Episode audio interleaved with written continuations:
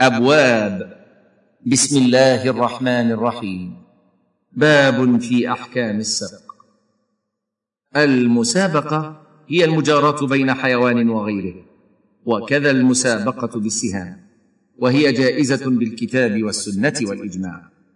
قال الله تعالى وأعدوا لهم ما استطعتم من قوة.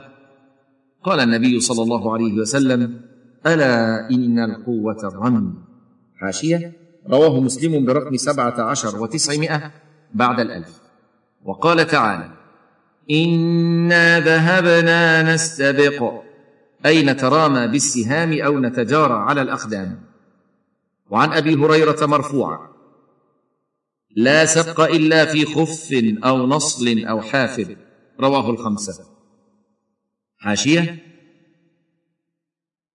رواه الترمذي برقم سبعمائة بعد الألف وقال حسن وأبو داود برقم أربعة وسبعين وخمسمائة بعد ألفين والنسائي برقم ستة وعشرين وأربعمائة بعد أربعة آلاف وابن ماجه برقم ثمانية وسبعين وثمانمائة بعد ألفين وأحمد في الجزء الثاني الصفحة السادسة والخمسين بعد المئتين وابن حبان برقم تسعة وثمانين وستمائة بعد أربعة آلاف وثبته ابن عبد البر في الجزء الرابع عشر برقم أربعة وتسعين.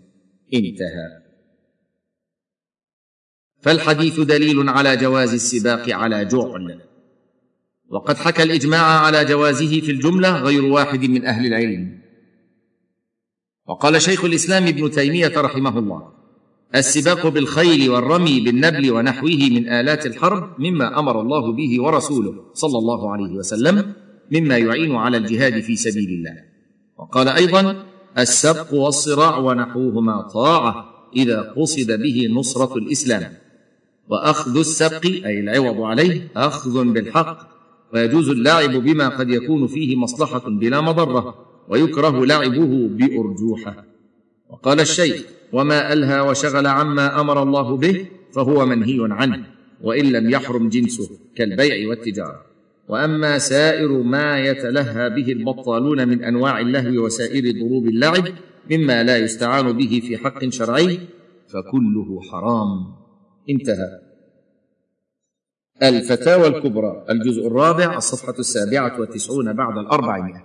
انتهى. وقد اعتنى العلماء بهذا الباب وسموه باب الفروسية وصنفوا فيه المصنفات المشهورة. والفروسية أربعة أنواع أحدها ركوب الخيل والكر والفر بها. والثاني الرمي بالقوس والآلات المستعملة في كل زمان بحسبة. والثالث المطاعنة بالرماح الرابع المداورة بالسيوف. ومن استكمل الأنواع الأربعة استكمل الفروسية. الصفحة السابعة والتسعون بعد المئتين. ويجوز السباق على الأقدام وسائر الحيوانات والمراكب.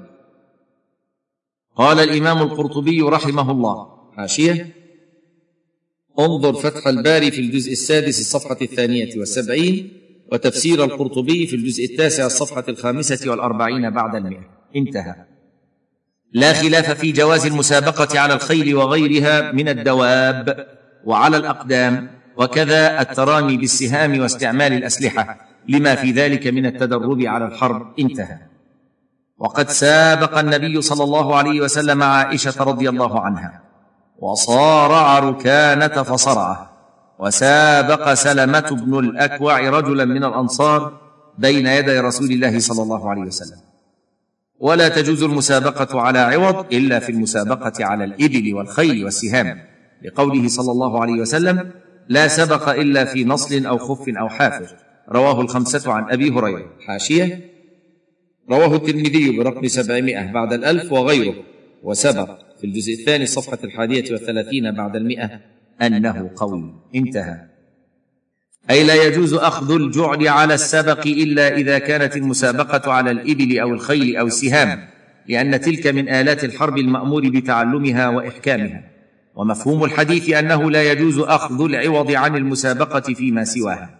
وقيل إن الحديث يحتمل أن يراد به أن أحق ما بذل فيه السبق هذه الثلاثة لكمال نفعها وعموم مصلحتها فيدخل فيها كل مغالبة جائزة ينتفع بها في الدين لقصة ركانة وأبي بكر.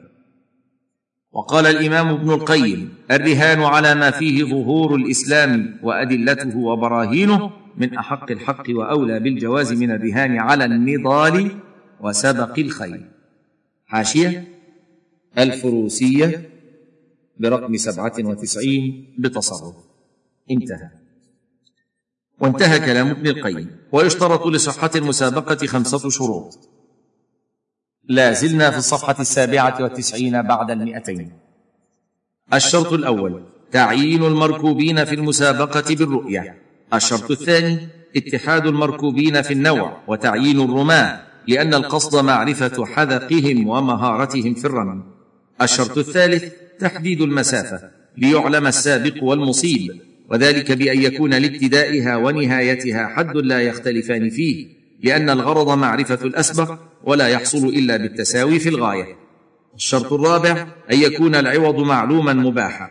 والشرط الخامس الخروج عن شبه القمار بأن يكون العوض من غير المتسابقين أو من أحدهما فقط. فإن كان العوض من المتسابقين فهو محل خلاف. هل يجوز أو لا يجوز إلا بمحلل وهو الدخيل الذي يكون شريكا في الربح بريئا من الخسران.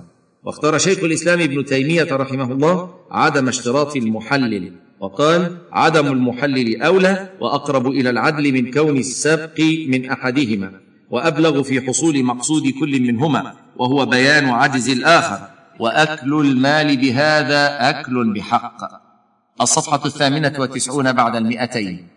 إلى أن قال وما علمت من الصحابة من اشترط المحلل وإنما هو معروف عن سعيد بن المسيب وعنه تلقاه الناس. انتهى كلامه. ومما سبق يتبين أن المسابقة المباحة على نوعين. النوع الأول ما يترتب عليه مصلحة شرعية كالتدرب على الجهاد والتدرب على مسائل العلم. النوع الثاني ما كان المقصود منه اللعب الذي لا مضرة فيه. فالنوع الأول هو الذي يجوز أخذ العوض عليه بشروطه السابقة والنوع الثاني مباح بشرط الا يشغل عن واجب أو يلهي عن ذكر الله وعن الصلاة وهذا النوع لا يجوز أخذ العوض عليه. وقد توسع الناس اليوم في هذا النوع الأخير وأنفذوا فيه كثيرا من الأوقات والأموال وهو مما لا فائدة للمسلمين فيه ولا حول ولا قوة إلا بالله.